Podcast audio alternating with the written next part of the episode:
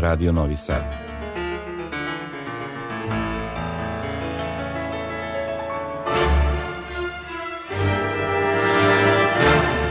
Domaća muzička scena.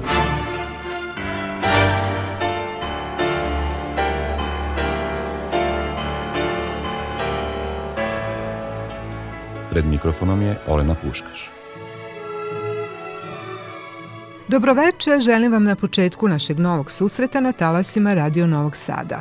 Vreme koje imamo na raspolaganju podelit ćemo na dve glavne teme. Prva je najnoviji kompakt disk sa delima novosadskih kompozitorki, a u drugom delu preslušat ćemo koncert kamernog ansambla Nomus, koji je 6. novembra sa nešto izmenjenim programom nastupio i na festivalu Bemus u Beogradu. Ipak prva muzička tačka pripašće novosadskom ansamblu Universo, koji je nedavno nastupio u okviru serijala kamerne muzike Kulturnog centra Vojvodine Miloš Crnjanski. Članice ansambla su pijanistkinja Dina Šuklar-Bizeki i tri flautistkinje, Ksenija Mijatović-Korom, Marija Vasić i Sandra Katić. Njihov repertoar sadrži pretežno novija dela pisana za ovakvu kombinaciju instrumenta, pri čemu flautistkinje po potrebi sviraju i pikolo. Sada ćemo čuti deo kompozicije savremenog britanskog kompozitora Iana Clarka. Kako je sam naglasio, naslov Krivine odabrao je da bi slušaocu ukazao na poseban, od standarda pomeren odnos prema estetici i tretmanu, pre svega flautskog zvuka.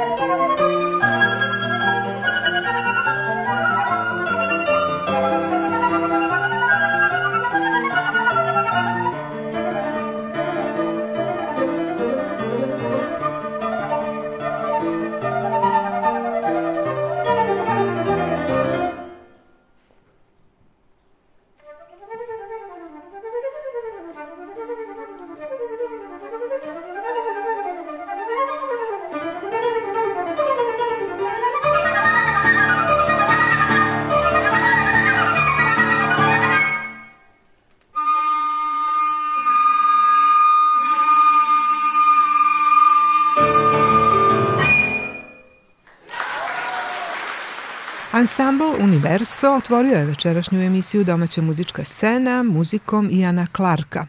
A kako rekoh u najavi, ove četiri novosadske umetnice su nedavno nastupile u serijalu kamerne muzike koji već pet godina priređuje Kulturni centar Vojvodine Miloš Crnjanski.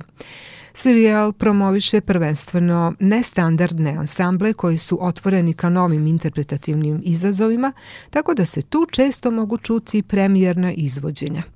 Sledeći koncert najavljen je za sutra, 10. novembar u 20 sati u holu Kulturnog centra Vojvodine, kada nastupaju flautistkinja Vesna Mitar, koja se specijalizovala za izvođenje savremene muzike na Akademiji za muziku i ples u Jerusalimu, i gitaristkinja Amalija Miller, koja je 2020. završila specijalističke studije na Fakultetu muzičke umetnosti u Beogradu u klasi profesora Darka Karajića. Na njihovom programu biće dela Rauta Vare, Takemicua, Urkuzunova i drugih.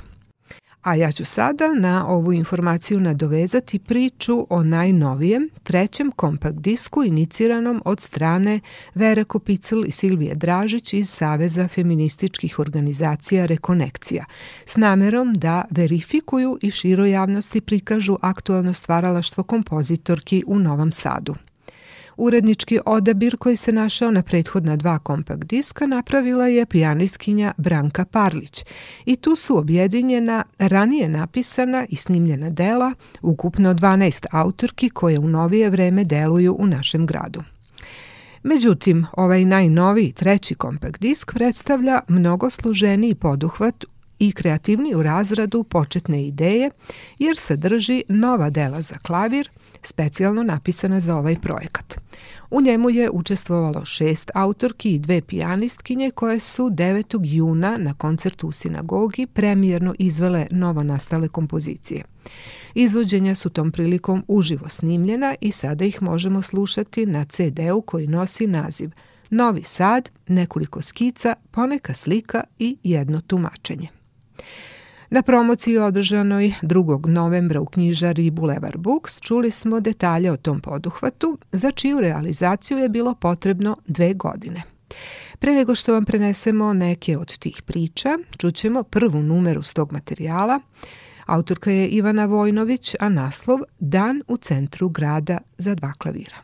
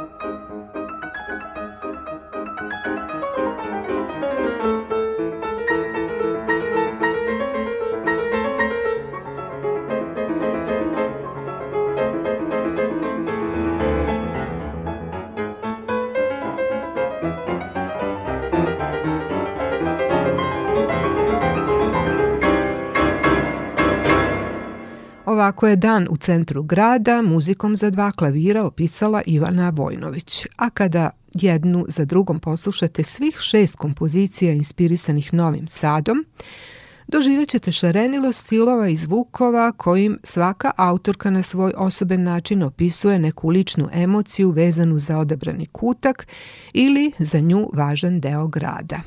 Izvođenje ovih dela veliki je zadatak i odgovornost koju su podelile pijanistkinje Branka Parlić i Nataša Penezić. O tome je nešto rekla Branka Parlić. Nekako smo to Nataša podelile e, zapravo po nekim našim ličnim afinitetima koja, koji stil nam je bliži. E sad mislim je da je jedino Aleksandra odmah rekla da je, da je za mene, a ovo ostalo ovaj, smo gledale i, i mislim prosto smo se odlučile, neke kompozicije su meni bile izazovi, jer nije, nisu mi stilski bliske, nekako već jedan, jedan zaista dug period uh, sviram jedan određeni stil, taj neki minimalizam i postminimalizam, a nisu sve bile u tom, o, u, u, u tom stilu. Tako da jeste mi bilo izazovi, bilo mi je, mislim, zanimljivo da sad pronađem nešto što... E, a nisam se ni konsultovala mnogo sa kompozitorkama, Stalno smo bile nešto hoćemo ali nećemo, ali ta korona ne može, ne viđamo se ovo i ono, mislim i onda zapravo je sve skoro bila moja odluka. Ja mislim da, da, da ste prvi put čuli na koncertu o, kako to o, zvuči. Tako da, mislim, bilo mi je zanimljiv taj rad, zato što nije m, e, ono što radim već godinama, ne, ne, nego je nešto drugačije i da vidim mogu li, mislim, da uradim to kako treba, to jest da, da kompozitorke budu zadovoljne, da je to, da kažu da je to to kako su i one čule dok su to pisale.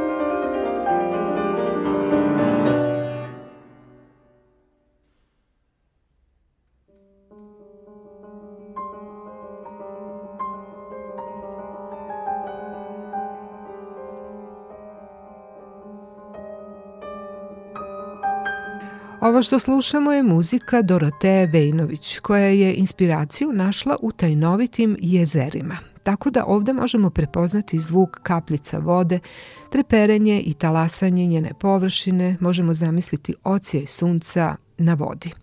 Evo šta sama autorka kaže o tome gde je našla inspiraciju.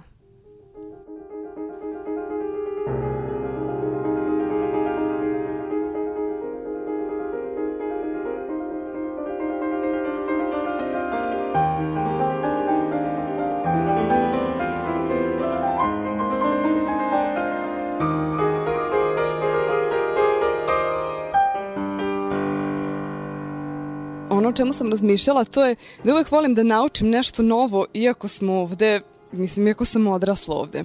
Tako da meni prva ideja bila šta mogu da saznam još o Novom Sadu, a što ne znam. I onda sam krenula da e, da istražujem razglednice iz perioda od pre recimo 100 godina. Bilo što što sam mogla da pronađem što su stare razglednice. I jedna od tih razglednica, na njoj je bilo jezero, čamac i čovek u čamcu na jezeru.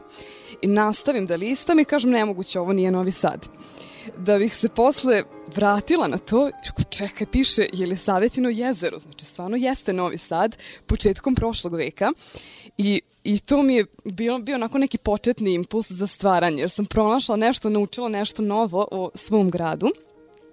I bilo mi je zanimljivo ta, taj sam naziv, da, da sam naziv kao taj Novita jezera potiče od toga razglednica kod koje sam krenula, a kasnije umeđu vremenu otputovala sam u Mexico City. A to je grad koji je plutajući grad, on je izgrađen na jezeru, njega su Asteci izgradili na jezeru i ja sam tamo uh, počela da komponujem ovo delo, tako da je to i neka paralela, kažem, gradovi koji su za koje zapravo imaju mistična jezera. Tako to je bio taj neki, kažem, početni impuls. A koliko je bilo teško pisati za klavir, ovo je zapravo ja kad komponujem volim da pišem za nekoga. Ovde sam imala na umu Branku Parlić, pošto, sam, i pošto se bavim minimalizmom, bio mi izazov da ja pišem u tom stilu, pošto to apsolutno nije moj stil. Da. Tako da, da je kompozicija dosta eklektična, ali neka prva ideja mi je bila, hajde da vidim kako ja mogu da reinterpretiram minimalizam.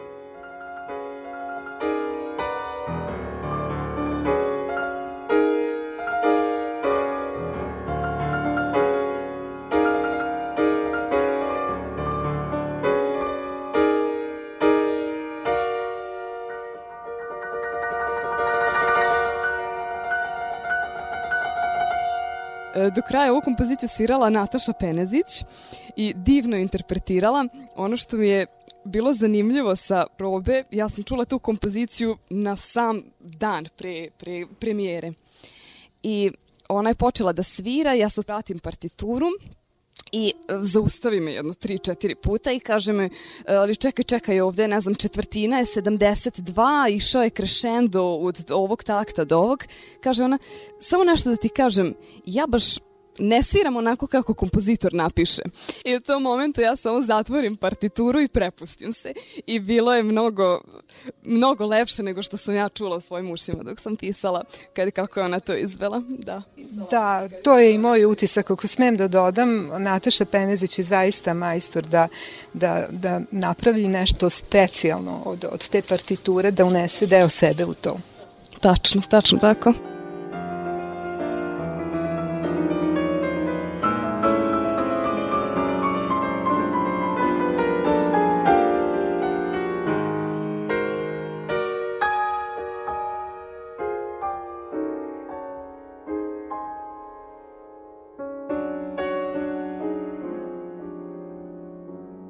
Večeras preslušavamo kompakt disk sa novim klavirskim kompozicijama posvećenim Novom Sadu.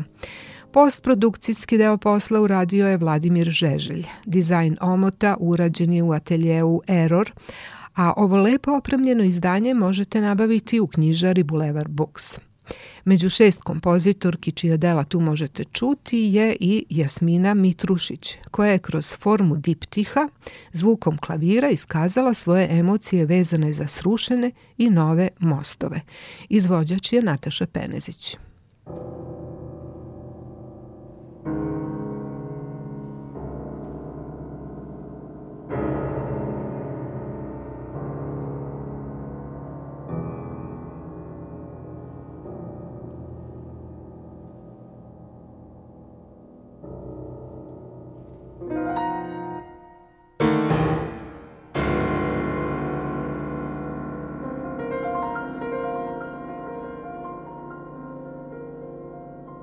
Kompozicija je trebalo zapravo da bude jedna vrsta podsjećanja na bombardovanje 99. ali na neki način sam morala da promenim taj naziv da se ne bi tako eksplicitno podsjećali tu Evropu na to što su nam uradili. ovaj, jer nam je ukazana čast da mi sad budemo ovaj, kao predsurnica kulture, tako da sam se generalno pozabavila time a, na jedan dramatičan način. Ta kompozita i diptih je trebalo da bude mnogo duži, ja sam pisala eksplicitno za Natašu i ona nikada nije menjala moju partituru, prosto uvek je, baš i to je baš i karakteriz, zato je ona svira moju muziku, zato što vrlo poštuje partituru. Ali, ovaj, skratila sam, sažela sam maksimalno ove oba, oba stava e, zbog njenog stanja, ona tada je već bila šesti mesec, ja sam e, želela da je maksimalno rasteretim e, dužine trajanja kompozicije, tako da ova kompozicija je dosta sažeta i e, ja verujem da će u perspektivi e, biti redizajnirana u jedan ciklus. Ovo je, da kažemo, neka vrsta skice što bi i moglo da se uh, u naslov uh, ubaci kao jedna vrsta skice priče o tome šta se desilo sa tim mostovima, uh, pošto ih imamo tako, tri na vrlo dramatičan način i, ove, i novim njihove, na kažem, te neke nove verzije tih istih mostova koje sad ja imam svoje, neke, svoje neko mišljenje o tome. Ja nisam nešto optimistična niti što sad razdragana po tom pitanju, ali u redu, znači tu su. Možemo da idemo preko njih ne moramo ske... Da, da, ako smem da primetim to tvoje osjećanje, osjeća se i u muzici, ona je onako puna tragike, puna nekih teških uh, akorada. Da, zato što ona jeste, zato što to jeste zapravo to. Znači, uh, svako, svako za mene, svako neko sad e, optimističko uh, interpretiranje bi ja nisam taj, ta osoba. Možda bi neko to drugačije želeo da predstavi, ali ja to tako ne doživljam naprotiv. A novi mostovi kao neki kontrast? Pa da, ali za, za mene ti novi mostovi nisu ono što sam ja mislila da će biti. Znači, kako da kažem, E, taj novi Žeželje most, ja ga gledam godinama kako trune, tako kako, kako se od onog divnog betonskog mosta zapravo uh, imamo, imamo most koji, koji rđa, rđa i rđa, uporno rđa. Mislim, ne vidim to tako optimistično. Jesu oni novi mostovi, ali. Dobro, to tako i treba da bude. Svaka od kompozitorki je svoje viđenje, neku svoju impresiju pretočila u tu neku malu klavirsku formu.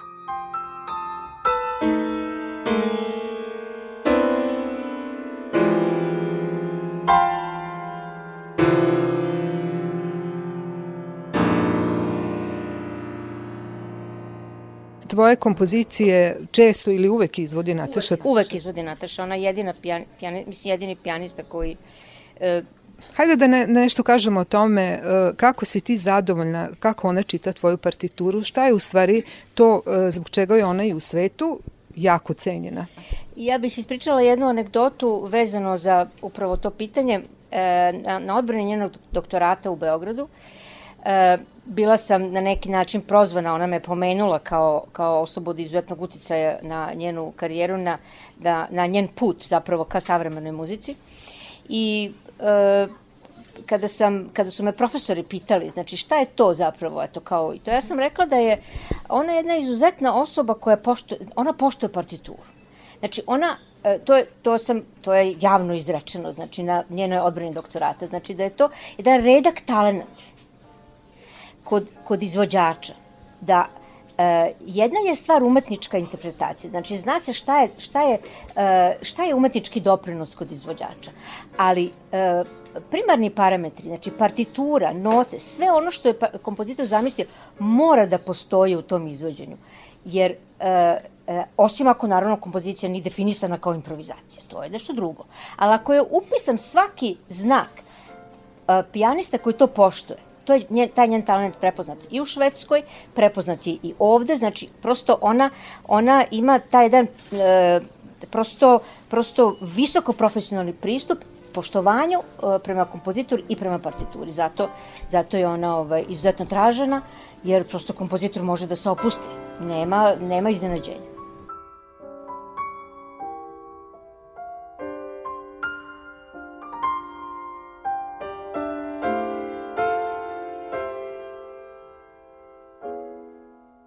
Novosadske kompozitorke su uz podršku Udruženja Rekonekcija i Fondacije Novi Sad Evropska predstavnica kulture ušle u zajednički projekat i napisale nove klavirske kompozicije koje se sada nalaze na CD-u.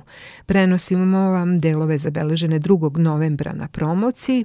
Čućemo šta je Aleksandra Stepanović rekla o svojoj inspiraciji koju je pronašla u skrivenom vrtu u Nikolajevskoj ulici.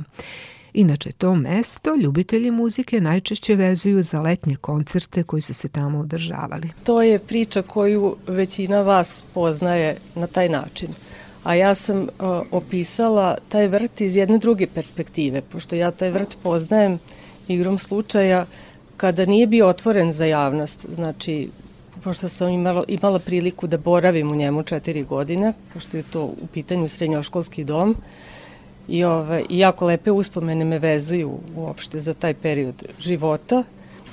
I, tako da ovaj, e, negde sam imala želju kada se pojavila uopšte ova ideja i kada smo zahvaljujući Nineti došli i do ovog e, zajedničkog naziva CD-a, e, želela sam baš da opišem te neke uspomene iz jednog lepog perioda života. Mi svi znamo taj vrt kao neku oazu e, i cveća i e, rastinja, divnog drveća, kao neku oazu mira u srcu grada. Da li je tu e, vaša misao bila taj neki opis prirode ili atmosfera koja, koja te prepušta nekim mislima? Pa jedno i drugo. Vrt kako sam ga ja doživala i kako ga se sećam je bio tada zatvoren. Znači, zaista je bio skriven i ja mislim da tada redko ko je i znao u Novom Sadu da takav vrst, vrt postoji. Ja mislim da je većina postala svesna tek kada su počeli koncerti tu da se održavaju, stvari kada je neko, ja ne znam ko je krivac za to, otkrio tu lepotu i ovaj, i ovaj, došao na ideju uopšte da bi mogao da se koristi taj prostor za neke koncertne, koncertne dešavanja.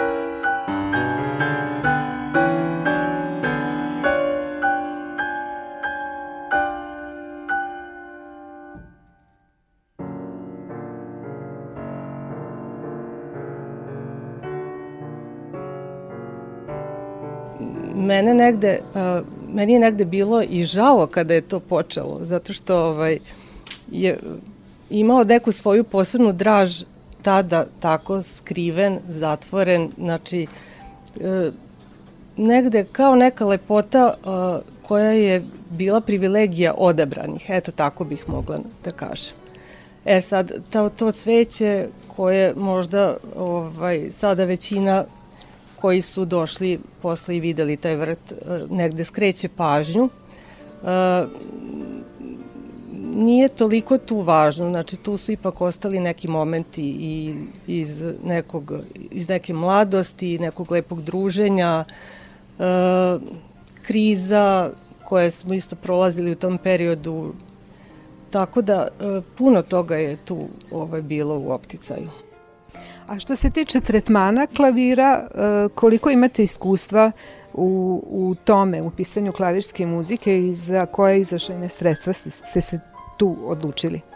Pa uglavnom sam išla ovaj, uh, tom uh, logikom, znači pošto sam odabrala muzičko stvari oslikavanje određene priče, znači sama ta neka tema početna je ovaj, uh, unela u stvari neki karakter te bezbrižnosti, uh, sreće, radosti, uh, nevinosti, detinstva, već ne znam kako bih ovaj, sve to mogla da opišem. I onda je ta tema posle principom variacija uh, poprimila različite karaktere. U stvari, slike su se menjale jel, promenom same teme, ovaj, donosile novu atmosferu, neku novu priču, neki novi deo sećanja, novu stranu sećanja.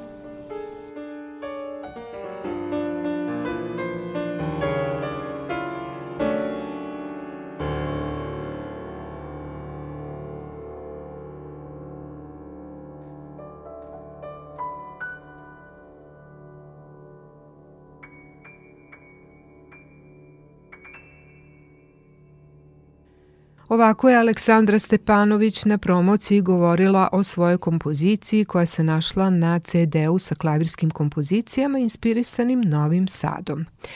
Nineta Avramović-Lončar je takođe dala svoj doprinos tom projektu. Naslov koji je ona odabrala glasi Tri limanska toponima – Iako je to vrlo popularan i živ deo grada uz Dunav, njene emocije u vezi s tim izražene su treperavim lebdećim zvucima koji odišu mistikom. A evo kako je ona to objasnila. Ti toponimi naravno nisu samo u nekom geografskom smislu, oni su pre svega neki lični, ovaj, neka lične, neke lične tačke, možda u vremenu, možda u nekom osjećanju ili stanju Tako da je moguće sasvim da zapravo, iako oni jesu tri, da su zapravo samo taj jedan, kako si lepo možda i rekla, da su zapravo u nekom onako prilično neodređenom ovaj, u neodređenoj fakturi sa vrlo labavim granicama između odseka, sećam se da je Branka ovaj, profesorica pitala ne čujem tu te tri, ta tri toponima, Tako da je moguće da je u stvari, da, da, da, da, da, da. To nekako teče u, u jednoj atmosferi sve do pred kraj.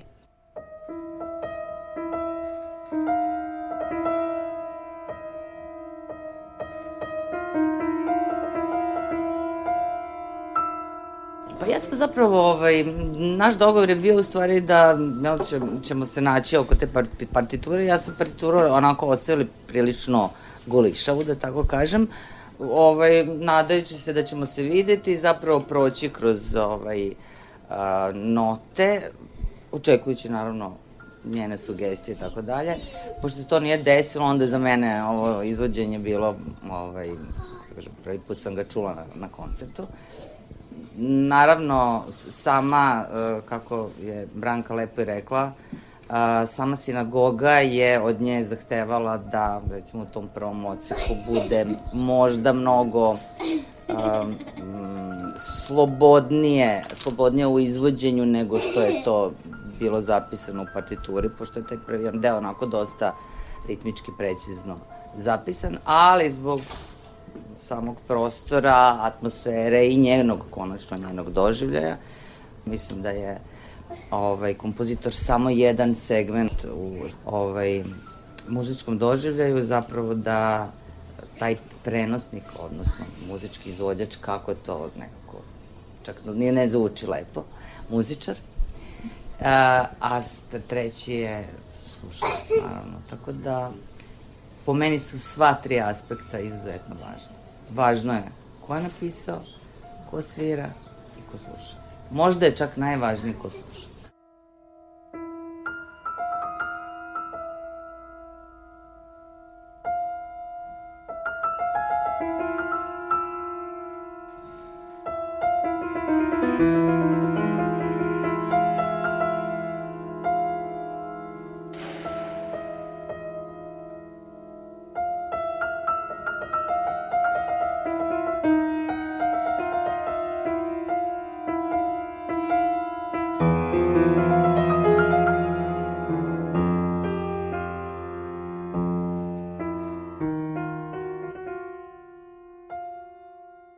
Kompozicija koja zaokružuje mozaik od šest muzičkih inspiracija našim gradom izašla je iz pera Aleksandre Vrebalov i nosi naslov Dunavska etida za preparirani klavir.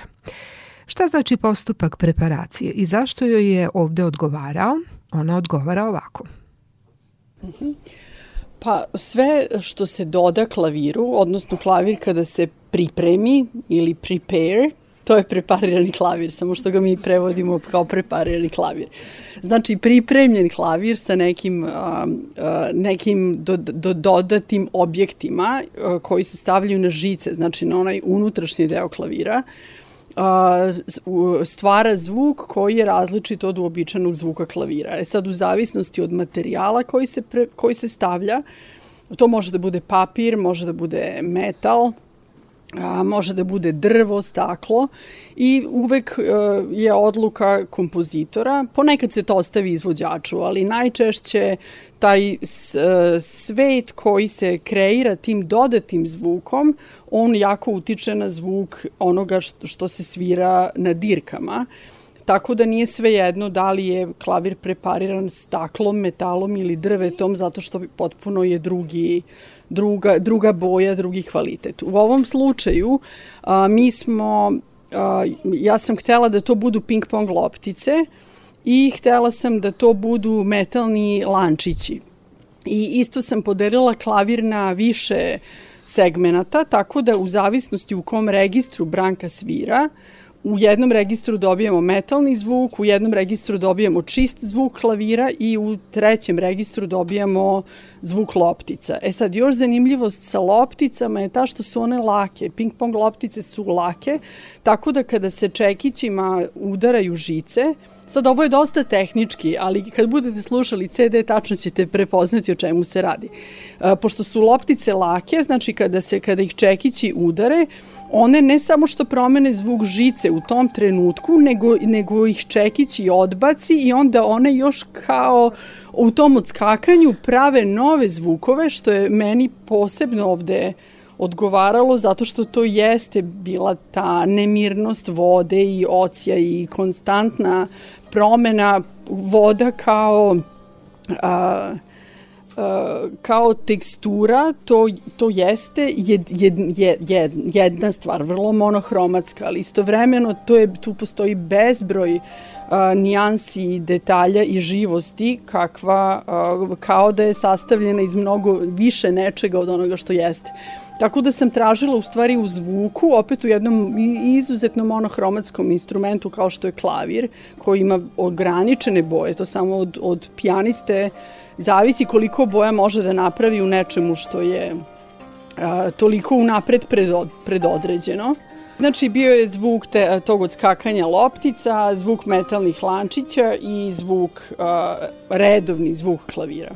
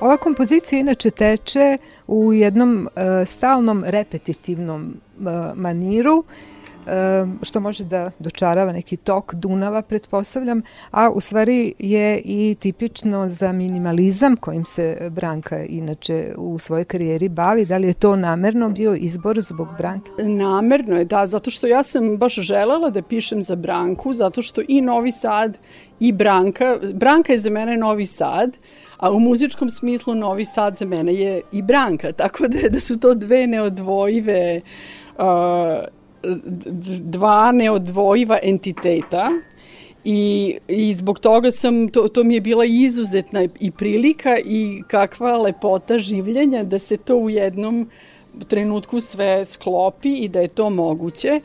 E sad, pošto taj tok reke, on, on uvek može da se podrži minimalizmom kao stilom. Ja sam čak u jednoj ranijoj kompoziciji koju sam pisala o, o, o jednoj japanskoj reci, tu sam već taj motiv reke u tom toku on je malo drugčiji od ovog što je u Dunavskoj etidi napisano za Branku, ali to jeste taj, to konstantno ponavljanje i meni je to bilo a, jako odgovarajuće.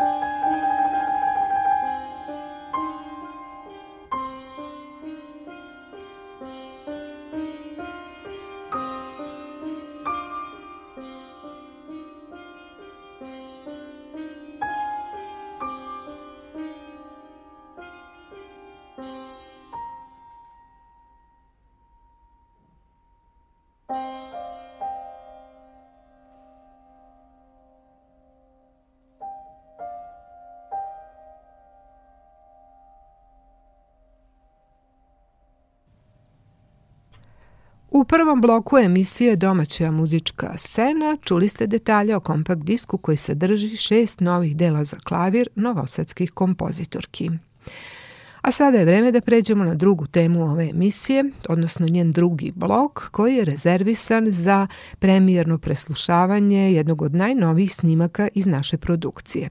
Radi se o koncertu kamernog ansambla Nomus koji je održan na ovogodišnjem izdanju festivala.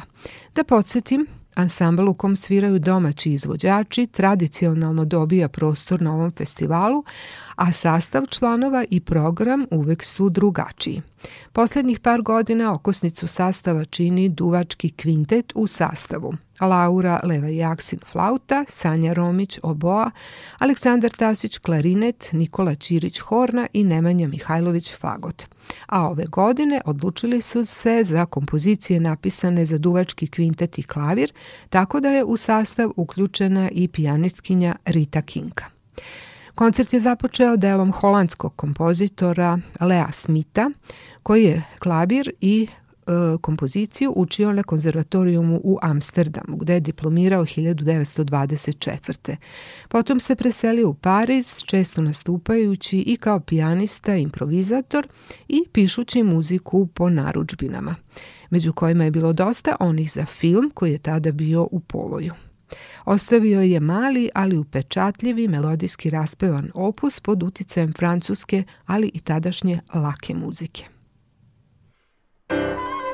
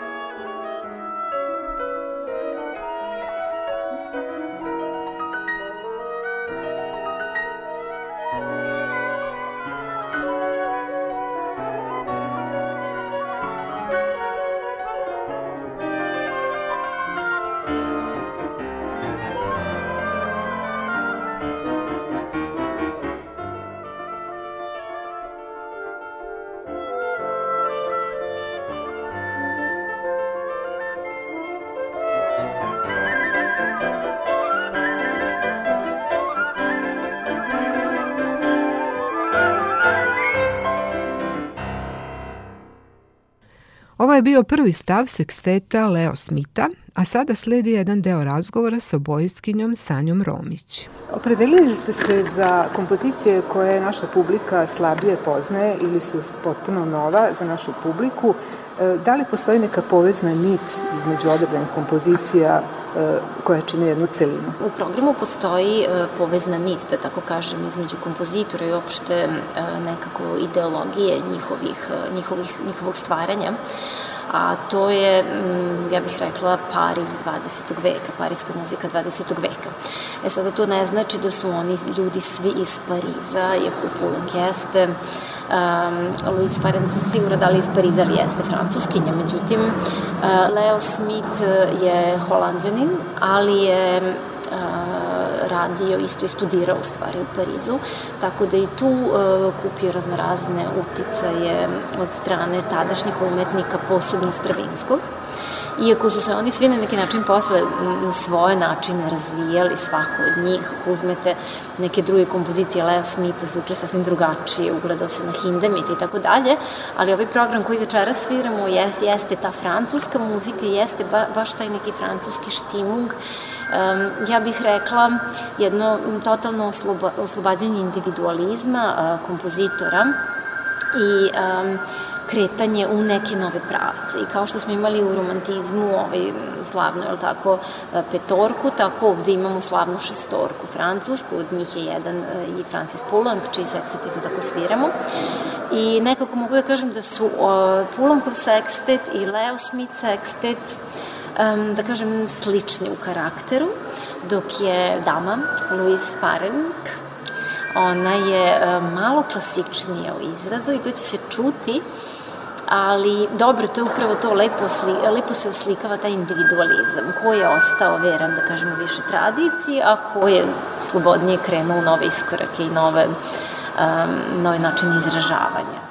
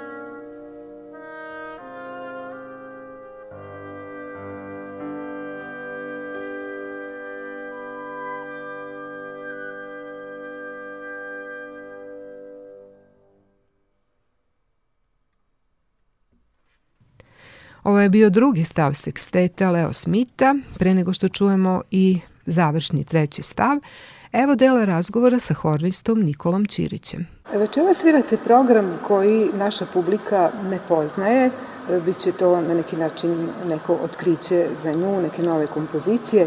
E, koliko ste vi poznavali ranije ta dela i kako ste ih otkrivali e, čitajući partituru i posle slušajući kako to zvuči zajedno u celini sa kolegama? Mm -hmm. Polanka sam već svirao, tako da mi je, da mi je poznat, e, ali kad se svira u ovakvom ansamblu sa iz, izuzetno kvalitetnim muzičarima, onda se otkrije nešto uvek posebno, nešto novo, neka nova boja se donese i to su oni sitni mali eksperimenti koji se onda, onda sprovode.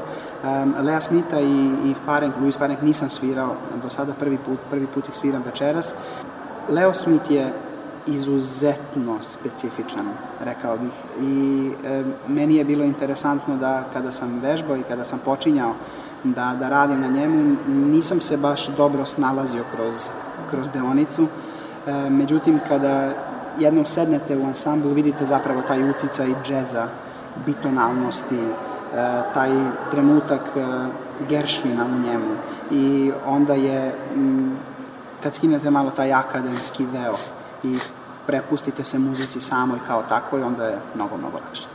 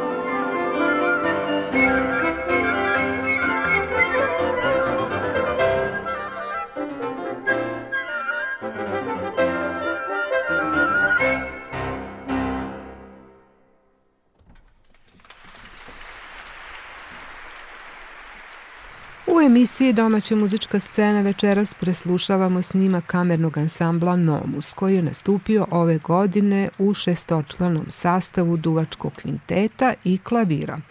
Članovi su Laura Leva i Aksin flauta, Sanja Romić oboa, Aleksandar Tasić klarinet, Nikola Ćirić horna, Nemanja Mihajlović fagot i Rita Kinka klavir. Svi članovi ovog ansambla su kolege, svirate zajedno i u orkestrima i u raznim drugim ansamblima. Kako je tekla priprema? Koliko je olakšavajuće to što se dobro poznajete iz nekih ranijih saradnji? Naša saradnja traje već neko vreme, kako u kamernim orkestrima, tačnije u kamernim ansamblima, tako i u Vojvodinskom simfonijskom orkestru. I mislim da smo baš lepo uigrana ekipa i dobar tim što se vidi po tome što zaista i dalje sviramo zajedno, a i probe nekako idu kažem, ima tu svega, svako ima svoje mišljenje, bude svega, ali to je u stvari jedan konstruktivan rad i ja mislim da je to mnogo lepo zato što svako može da da opet kao što je ovaj program, jel tako, taj neki individualni pečat i neko svoje mišljenje i onda naravno uvek probamo, vidimo šta bolje funkcioniše za sve i onda prihvatimo tu ideju. Tako da meni je mnogo drago što sviramo zajedno zato što za mene kamerna muzika ne samo spajanje instrumenta, već povezivanje ljudi koji imaju istu, um, isti senzibilitet, muzički i lični isto tako i samim tim može da traje i može da prolazi ovakve programe koji nisu laki, moram da kažem. Ovo mi je rekla Sanja Romić u oči koncerta, a sada slušamo prvi stav seksteta opus 40 Louise Farenk, kompozitorke koja je bila i prva žena profesorka klavira na Parijskom konzervatorijumu. Ona je u svojim kompozicijama pokazala da odlično zna kako instrumenti treba da zvuče i kako se dobro piše za klavir, a takođe je pokazala i svoj smisao za melodiju i strukturu. Interesantno je da je baš ovo njeno delo prvo napisano za sastav duvačkog kvinteta i klavira.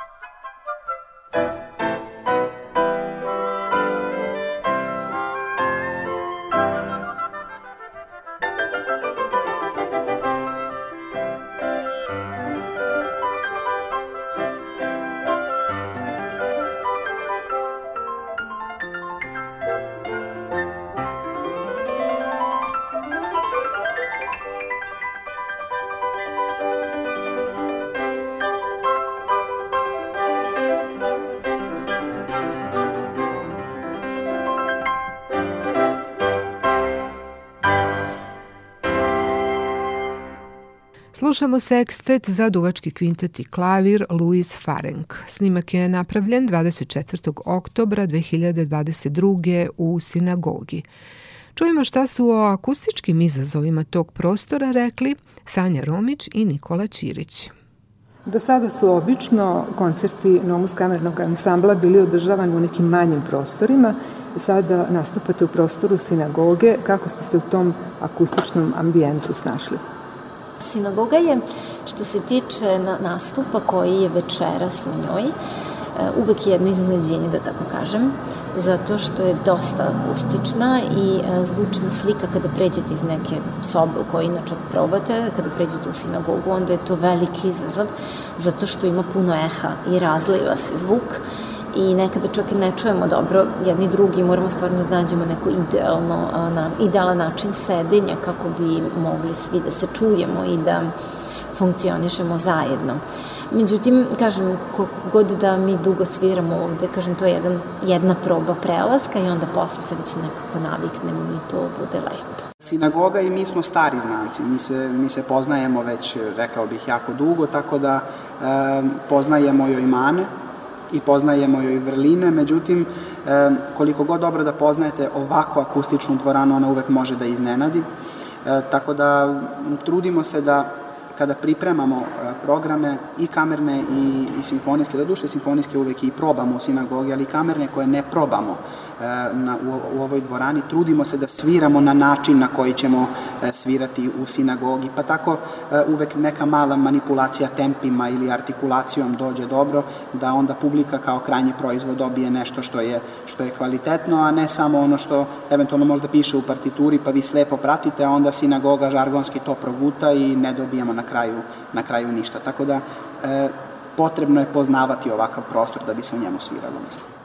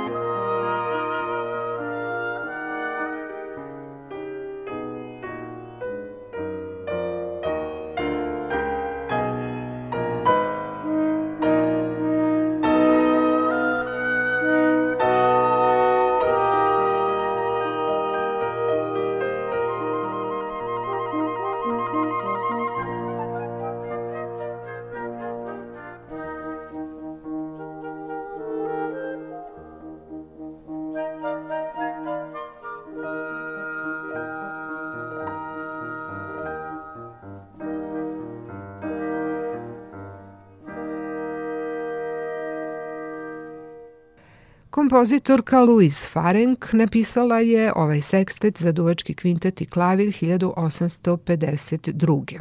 To je inače prvo poznato delo napisano za ovaj sastav i već smo mogli zaključiti da je njen stil bliži Schubertu, Mendelsonu i Weberu nego na dolazećim francuskim impresionistima koji će pun zamah dostići tek nekoliko decenija kasnije. Louise Farenk je inače bila obožavateljka muzike Roberta Schumana i učenica profesora Antona Reiche, u čijoj klasi su neko vreme učili i Berlioz, Liszt, Frank i Gounod. Na redu je treći stav njenog seksteta.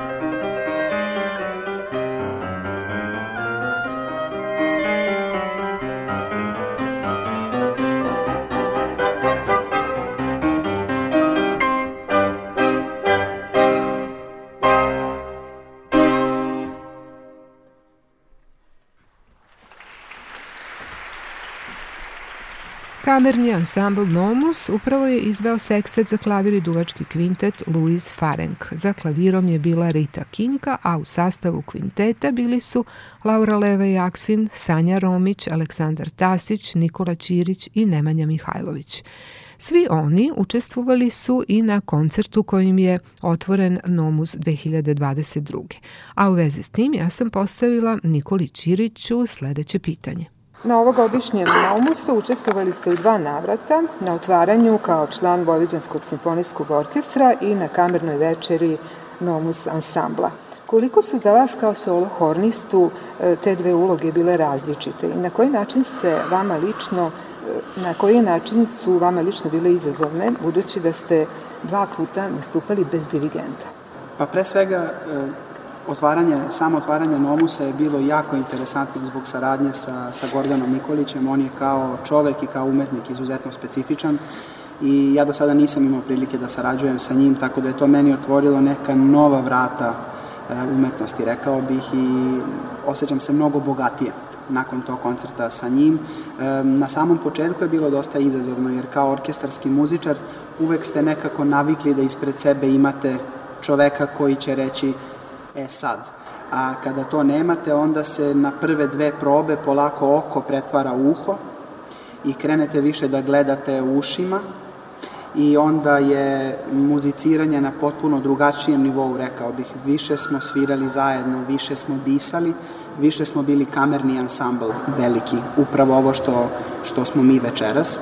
E, Novosadski kamerni ansambl je moja ljubav, mogu slobodno tako da kažem. Izuzetno mi je drago i ozbiljno se radujem svaki put kad nastupam sa, sa ovim ovde kolegama, to su moji prijatelji i ne samo kolege i nekako kad je takva atmosfera i u, i u samoj pripremi, a što se tiče upo, samog upoređivanja, kamerna muzika je nekako čovek se navikne da kad je kamerna muzika on svira sa kolegama i uvek je to, rekao bih, malo manji aparat pa je lakša kontrola, a sa velikim simfonijskim orkestrom u kamernom muziciranju bilo je malo potrebno navići se.